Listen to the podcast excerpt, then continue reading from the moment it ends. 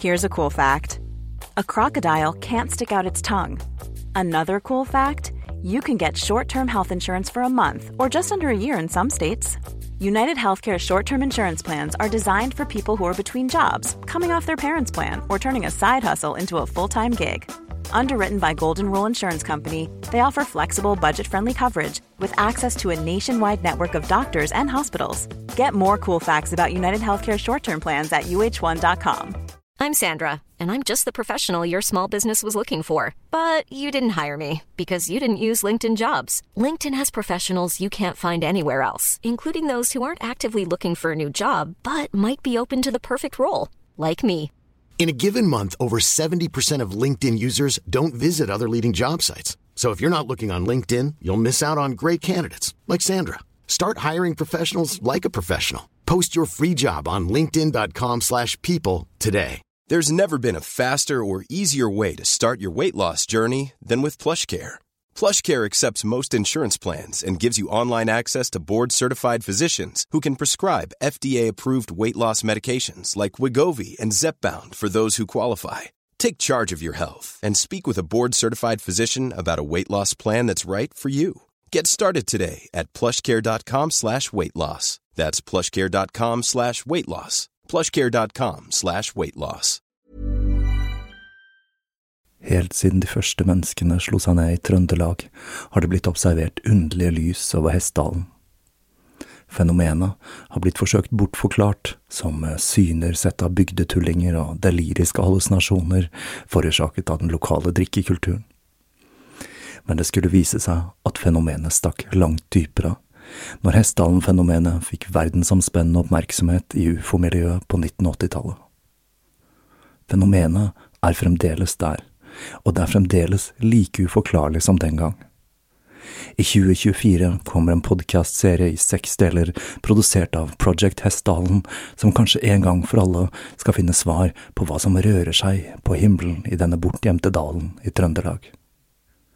Serien har som seg hør og bør fått tittelen A Blaze in the Northern Sky, og den kommer til din favorittpodkast av spiller i 2024.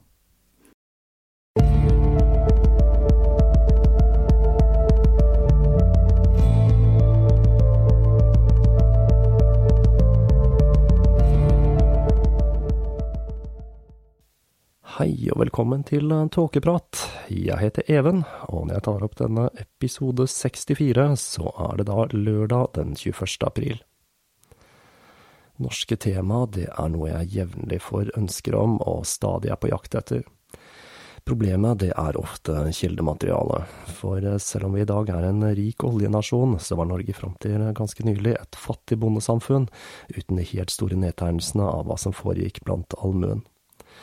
Selv med episoden om frøken Fogner, som var en kjempesak i samtiden, så var det med nød og neppe og ved hjelp av en artikkelserie, en omfattende rettsprotokoll fra Nasjonalbiblioteket, litt inspirasjon fra Hamsun, og ikke minst en dose mørk fantasi jeg klarte å koke i hop den episoden. Det vi har av dokumentasjon fra gamle kriminalsaker, hekseprosessene og andre spennende tema, er stort sett rettsprotokoller og sagn og de inneholder ofte svært begrenset med informasjon, i hvert fall med tanke på podcasting og historiefortelling. Til tross for lite kildemateriale, så er det fryktelig mange spennende draps- og sedelighetssaker fra gammelt av her på berget. Og historien jeg nå skal ta for meg, det er en av disse. Men i likhet med så mange andre historier, så har vi kun noen kortfattede rettsprotokoller og noen fortellinger og sagn å forholde oss til så jeg bestemte meg for å la fantasien få fritt utløp når jeg satte sammen denne episoden. Jeg har da forholdt meg til de fakta vi kjenner til, men for å få dette til å kunne fungere som en historie, så har jeg forsøkt å lese mellom linjene, for da å utbrodere historien og for å gjøre den mer podkastvennlig. Jeg har rett og slett dramatisert hendelsene ut ifra den informasjonen vi har tilgjengelig, og med det forsøkt å blåse nytt liv i denne gamle historien ved å balansere mellom historie og fiksjon. Om dette fungerer, så er dette en måte jeg kan transportere dere lyttere tilbake til vår egen mørke norske historie, og dette vil åpne døren for mange gruvekkende fortellinger i framtiden. Det skorter nemlig ikke på antallet av denne typen fortellinger, bare mengden materiale om hver enkelt sak. Og jeg må jo si at det var fryktelig artig å leve seg inn i og ekspandere universet i denne fortellingen. Eller artig og artig, spennende er vel kanskje et bedre ord. For fortellingen jeg nå skal ta fatt på, det er absolutt ingen lystig historie. Dette er en historie om forbudt kjærlighet, og som i historien om Romeo og Julie så går det fryktelig ille for begge de involverte partene.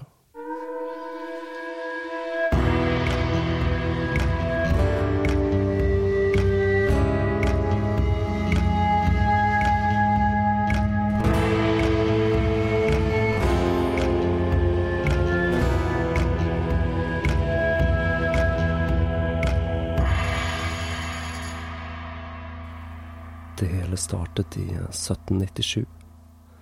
Sommeren var kommet til Søndre Sordal i Aust-Agder. Lange, lyse netter, latter og glede preget gården. Arbeidet virket ikke så tungt nå som vinteren med sin kulde og mørke kun var et vagt minne. Kløveren fylte luften med sin herlige, søte eim, og kyrne beitet fredelig på frodige enger som duvet lett i sommervinden men det var noe som gjorde at den eldste sønnen i familien hadde et litt ekstra lett ganglag og sommerfugler i magen denne sommeren. De hadde nemlig fått ei ny tjenestejente på gården, Ranveig Olsdatter. Hun hadde vært der siden i våres, og Sigurd hadde umiddelbart blitt hodestups forelsket i denne vakre jenta med sitt milde vesen, til tross for at hun var langt under hans sosiale status. Det skulle ha tatt seg ut, hadde han tenkt, han som odelsgutt med ei tjenestepike. Han hadde først ristet av seg ideen. Ja, han hadde faktisk ledd av den. Men jo mer tid han tilbrakte med Randveig, jo mer tiltrukket ble han. Hjertet hans slo litt raskere hver gang hun smilte til han, og han benyttet enhver anledning til å være alene med henne. Første gang de hadde vært nære hverandre, var i begynnelsen av juli. Det hadde vært hans idé. Om hun ikke ville hjelpe han med noe arbeid på fjøset. Ranveig hadde smilt litt sjenert, men hadde fulgt villig med. Etter det første møtet på fjøset, så begynte de to å møtes titt og ofte på fjøstrevet. Ingen måtte få vite det, det ville brakt stor skam over de begge, men i kjærlighetens rus var det ingenting som kunne holde de to fra hverandre. Der i høyet hvisket de hverandre hemmeligheter og delte sine innerste tanker og drømmer i de lange, lyse sommernettene.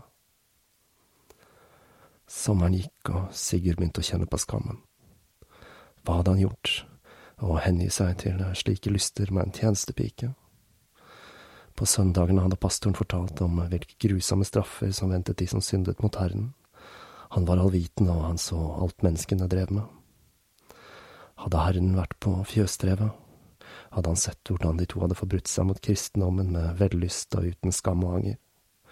Angsten og tvilen begynte å innhente Sigurd. Når sommeren var på hell og høstmørket begynte å sette inn, ba Sigurd Randveig med på fjøset igjen men denne gangen avviste han henne når hun forsøkte å legge armene rundt han og kysse han. Jeg kan ikke lenger, sa han. Jeg skulle aldri latt meg friste til å synde på den måten. Ranveig børstet bort et par lokker av det lyse håret fra ansiktet og så på han spørrende. Liker du meg ikke lenger? Det passer seg ikke. Ikke et ord til noen, format han Ranveig, som forsøkte å holde tårene tilbake når han vendte henne ryggen og marsjerte ut av låven.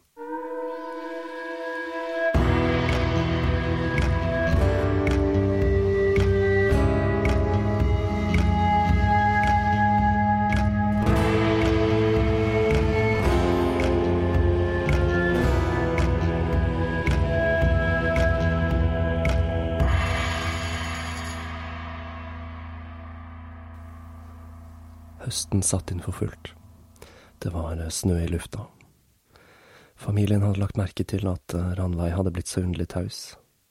Den sprudlende latteren og det gode humøret var borte, og Sigurd, som hadde vært så begeistret for den nye tjenestejenta, hadde begynt å behandle henne bryskt, og det virket som han forsøkte å unngå henne.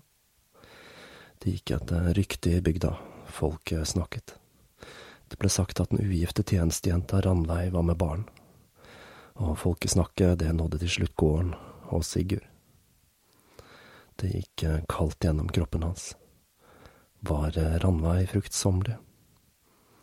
En kveld dro han henne til side og spurte henne rett ut. Men eh, Ranveig ristet resolutt på hodet. Det var ingenting i folkesnakket, sa hun, ingenting å bekymre seg for.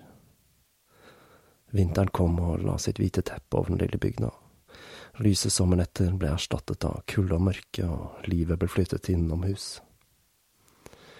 I det lille bygdesamfunnet så fortsatte folkesnakket, og Sigurd ble igjen konfrontert med påstander om Ranveis graviditet.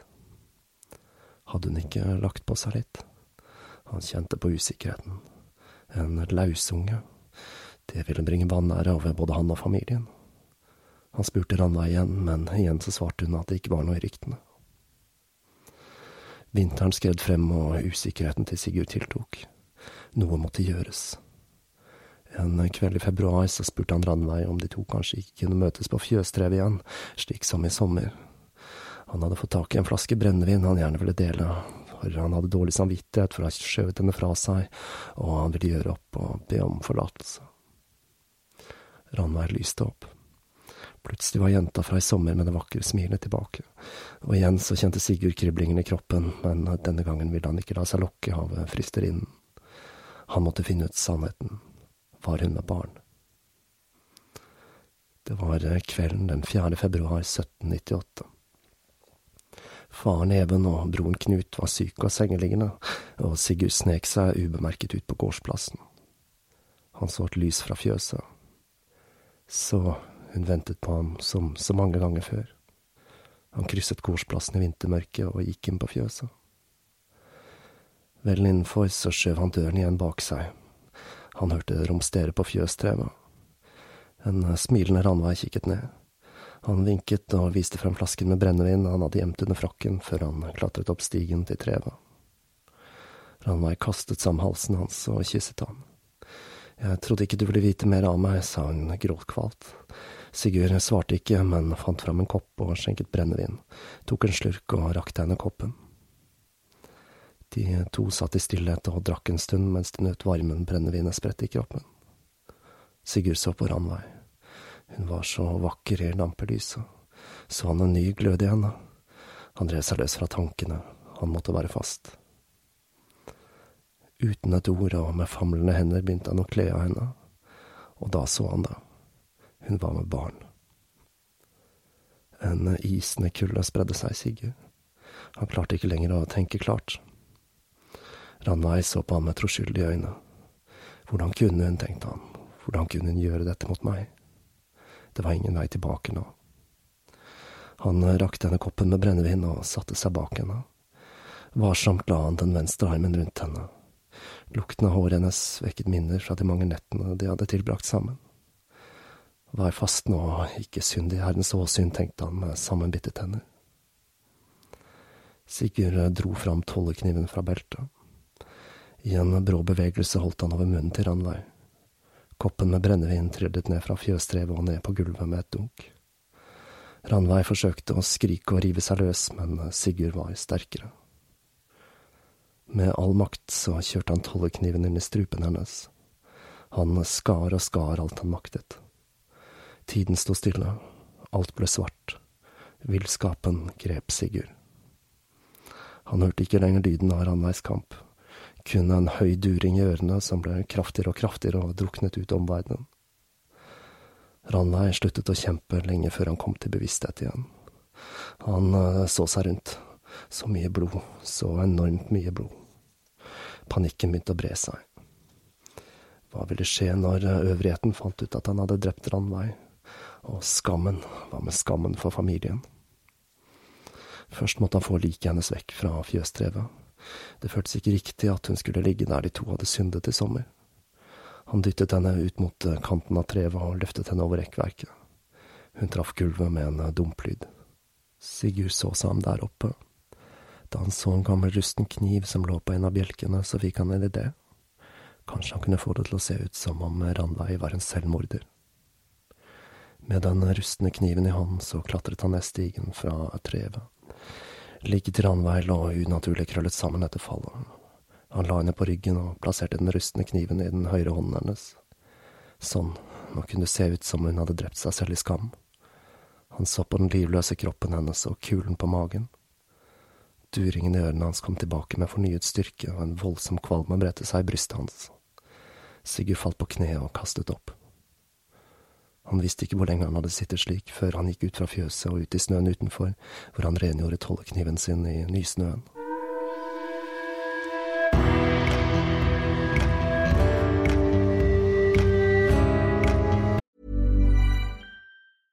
Cool fact a crocodile can't stick out its tongue. Also, you can get health insurance for a month or just under a year in some states. United Healthcare short term insurance plans, underwritten by Golden Rule Insurance Company, offer flexible, budget friendly coverage for you. Learn more at uh1.com.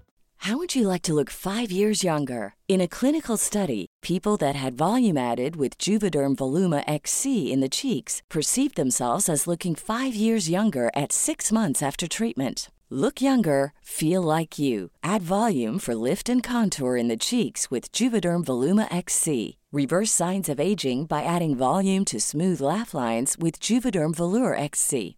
For important safety information and to find a licensed specialist, visit juvederm.com. That's J U V E D E R M.com. Not for people with severe allergic reactions, allergies to lidocaine, or the proteins used in Juvederm. Common side effects include injection site redness, swelling, pain, tenderness, firmness, lumps, bumps, bruising, discoloration, or itching. There's a risk of unintentional injection into a blood vessel, which can cause vision abnormalities, blindness, stroke, temporary scabs, or scarring. Talk to a licensed specialist to find out if it's right for you.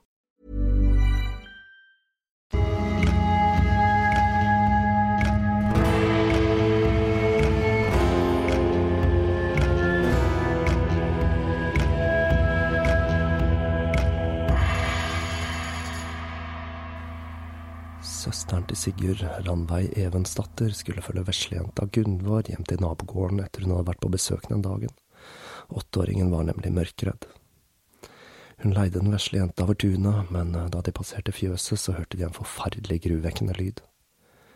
De to stivnet til og så på hverandre før de løp tilbake inn i hovedhuset, hvor de to vettskremte jentene fortalte hva de hadde hørt. Hele familien ble med de to for å undersøke hva som hadde skjedd på fjøset.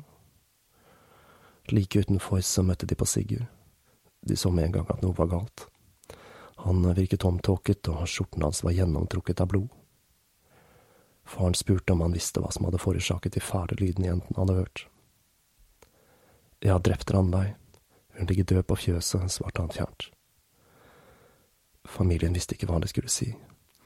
Lamslått gikk de tilbake inn i hovedhuset.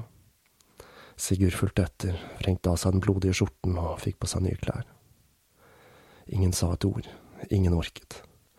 De visste ikke hva de skulle gjøre, og til slutt gikk de bare og la seg, men det ble lite søvn den natten.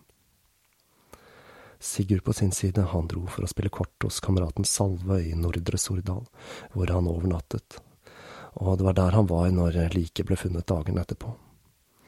Salve sa senere at han ikke hadde merket noe spesielt med Sigurd den kvelden. Familien var sønderknust, og når moren til slutt orket å spørre om hvorfor han hadde gjort det, så svarte han at eh, det var den onde ånden som hadde forført ham.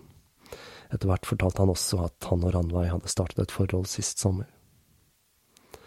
Familien ble enige om å verne Sigurd. Han var tross alt eh, odelsgutt, og Ranveig var bare ei tjenestepike.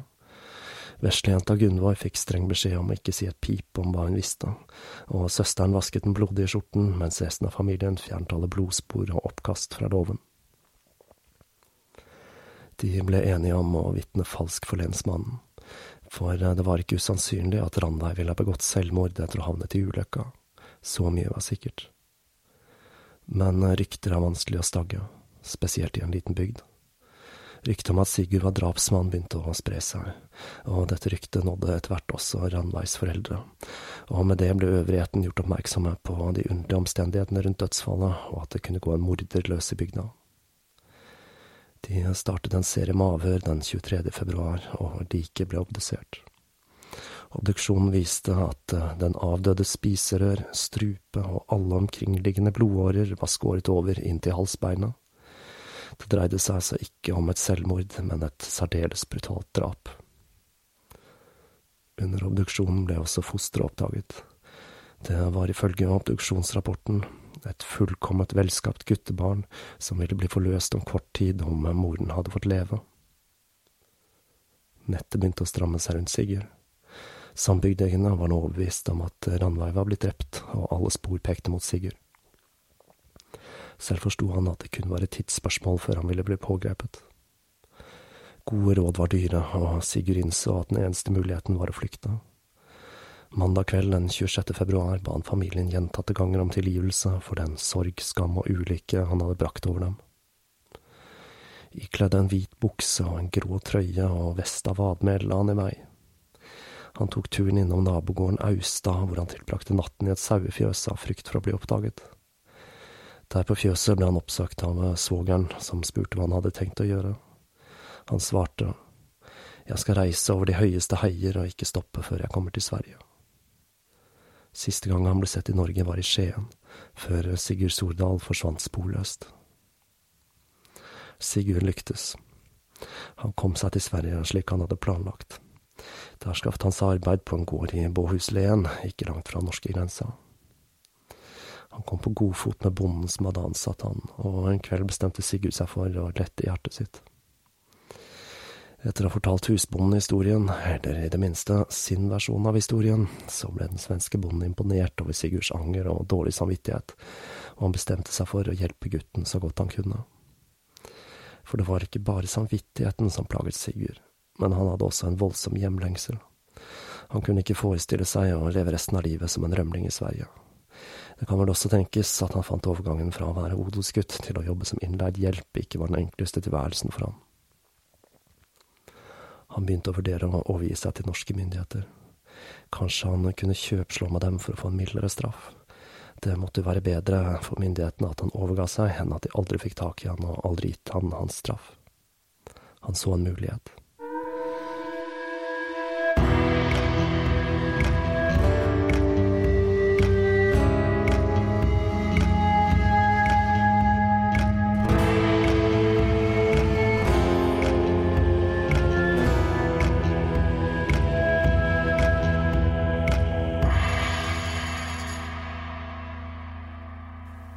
Sigurd var nemlig innrullert i det vesterlenske infanteriregiment og hadde vært soldat i tre år i landvernet og seks år i hæren. Siden han hadde status som militært personell, så ville saken bli behandlet av en militær domstol, og Sigurd fikk det for seg at dette kunne tale til hans fordel. Han skrev et brev til oberst von Tobisen, hvor han skrev at han kunne tenke seg å komme tilbake og overgi seg dersom det var utsikter til en lempelig straff. Det er ikke helt klart hva Sigurd tenkte her, for det at eh, saken ville komme opp i en militær domstol talte ikke til hans fordel, snarere tvert imot. Den militære domstolen var kjent for å være ekstra hard. Sigurds eh, svenske husbond dro over grensa for å oppsøke den militære kommandanten på Fredriksten festning. Etter å ha lagt fram saken for eh, auditør Tambs, som da tok seg av de juridiske sakene, så dro han tilbake til Sverige og Sigurd med en beskjed om at det var mulig å få en pardon om han skulle overgi seg. Sigurd slukte agnet, og den 5. juni ankom han Fredriksten festning, hvor han ble arrestert og avhørt. Han ble sittende der fram til det vesterlenske infanteriregiment brakte han til Kristiansand for videre avhør. Den 15. august ble krigsretten satt. I rettssaken så tilsto Sigurd å ha drept Randveig. men det var en spontan handling, kunne han fortelle. Han sa at det var Randveig som hadde lokket ham med på fjøstrevet med brennevin og fagre løfter som så mange ganger før. Da de hadde lagt seg til der, så hadde han oppdaget at hun var gravid. I fortvilelse og forvirring så hadde han gått ut fra fjøset og gått rundt på tunet for å tenke seg om, før han hadde gått tilbake for å konfrontere Ranveig. Der oppe på fjøstrevet hadde hånden hans kommet borti en gammel rusten kniv som lå på en bjelke, og på en ren impuls hadde han drept henne og lagt kniven i hånden hennes slik at det skulle se ut som hun hadde begått selvmord. Ifølge Sigurd så var det hele en impulshandling, og det var altså Ranveig som hadde lokket han til å synde og med det gjort han til drapsmann. Retten kjøpte ikke den forklaringen. For det første så var kniven som ble funnet i Ranveigs hånd for sløv og rusten da kunne forårsaket de voldsomme skadene på jenta. I tillegg så hadde vitnet sett spor av en kniv som var blitt rengjort for blod utenfor fjøset. Vitneutsagn bekrefter også at Sigurd visste om ryktene om Ranveis graviditet i en lengre periode før den fatale natten. De konkluderte med at han hadde planlagt drapet over lengre tid, og benyttet sin egen tollekniv til å kutte strupen på Ranveig, for så å senere koke i hop en historie som ville sett han i et bedre lys, så det skulle virke som om drapet var en ren impulshandling drevet frem av Ranveigs lyster og løgner. Med andre ord, de kom fram til at dette var en villet og planlagt handling. Sigurd ble ikke vist nåde. Han ble dømt til å halshugges etter først å ha blitt pint med glødende tenger og fått sin høyre hånd hugget av. Etter skarpretteren hadde gjort sitt, skulle nattmannens folk legge kroppen på steile, og hodet og hånden skulle spiddes på stake. Men han ble vist litt nåde, han Sigurd, for den øverste ansvarlige for den militære domstolen gikk gjennom dommen, og han sa at tortur med glødende tenger var en levning av middelalderens grusomme straffer, så den delen av straffen falt bort. Istedenfor ble alle eiendelene til Sigurd konfiskert, og de skulle fordeles med den ene halvparten til statskassen og den andre til Ranveis foreldre. Fogden og lensmannen i Bygland, Ole Gjerdulfsson Bakke, fant en passende plass like øst for fjøset på Søndre Sordal. Her ble det reist en liten innhegning av stokker hvor henrettelsen skulle foregå, og hvor hans kropp, hode og hånd skulle stilles ut for allmuen. Den 6. november 1798 kom Sigurd Sordal hjem til gården for aller, aller siste gang. Et av sagnene knyttet til denne fortellingen forteller at når øksa falt og hodet trillet langs bakken, kastet en gruppe mennesker seg over det for å drikke blod fra det avkappede hodet. Det var nemlig et gammelt kjerringråd at blod fra en henrettelse kunne kurere epilepsi.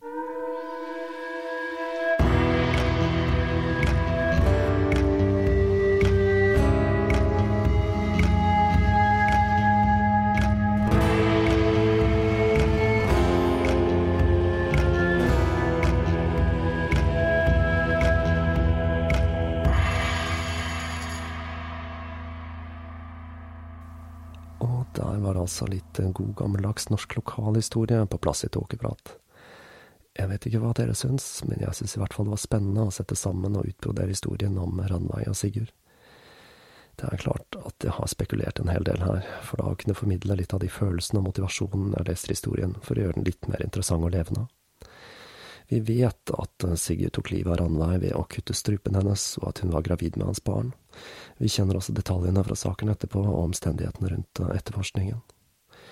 Hvordan forholdet mellom de to oppsto, og hva som skjedde kvelden drapet fant sted, er elementer som er tapt for ettertiden, men jeg velger i likhet med det militære rettsapparatet å ikke feste for mye lit til Sigurds forklaring om hvordan det hele foregikk. Jeg håper uansett at denne måten å fortelle historien på fungerte, fordi det er sånn jeg må gjøre det om jeg skal kunne fortelle denne typen gamle norske kriminalsaker her i Tåkeprat, med en lett blanding av historie og fiksjon.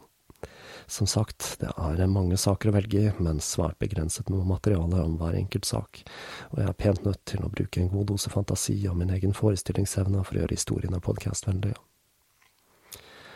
Og med en episode med norsk tematikk i boks, så skal vi igjen gjøre et relativt stort sprang her i Tåkeprat. For det er noen personer jeg har planlagt å lage episoder om helt siden jeg startet podkasten, og nå er det duket for historien om nettopp en av de og dette er en historie jeg virkelig har gledet meg til å dele med dere lyttere. Denne personen er en jeg kjenner historien om svært godt fra før, litt på samme måte som Alistair Crowley, og denne personen har nettopp en del paralleller til Crowley, og livene deres de ser ut til å krysse hverandre på flere punkter, selv om de ikke levde på samme tid. I likhet med Crowley så har denne personen i stor grad blitt skrevet ut av historien i ettertid, selv om vedkommende er et av de menneskene jeg anser for å ha hatt størst kulturell innflytelse i det 20. århundre. Store ord fra meg der, altså. Da er det bare å vente og se hva som dukker opp i neste episode. Fram til da så kan de jo få tiden til å gå med å følge og dele tåkeprat på sosiale medier, rate i iTunes, spre det glade budskap, og om du ønsker å bidra litt ekstra og tre inn i det øvre lyttersjiktet, så kan du alltids bli en patrion. Alle bidrag mottas med takk og kommer godt med til å dekke utgifter til ting som drift av server og bøker osv. Linker og info det finner du på tåkeprat.com. På gjenhør.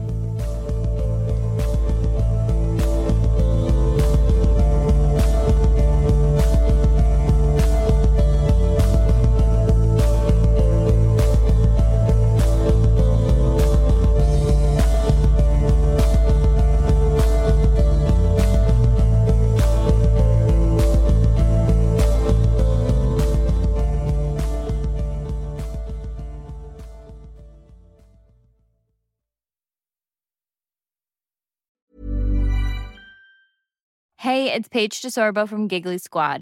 High quality fashion without the price tag. Say hello to Quince. I'm snagging high-end essentials like cozy cashmere sweaters, sleek leather jackets, fine jewelry, and so much more. With Quince being 50 to 80% less than similar brands. And they partner with factories that prioritize safe, ethical, and responsible manufacturing. I love that. Luxury quality within reach. Go to quince.com slash style to get free shipping and 365 day returns on your next order. Quince.com slash style.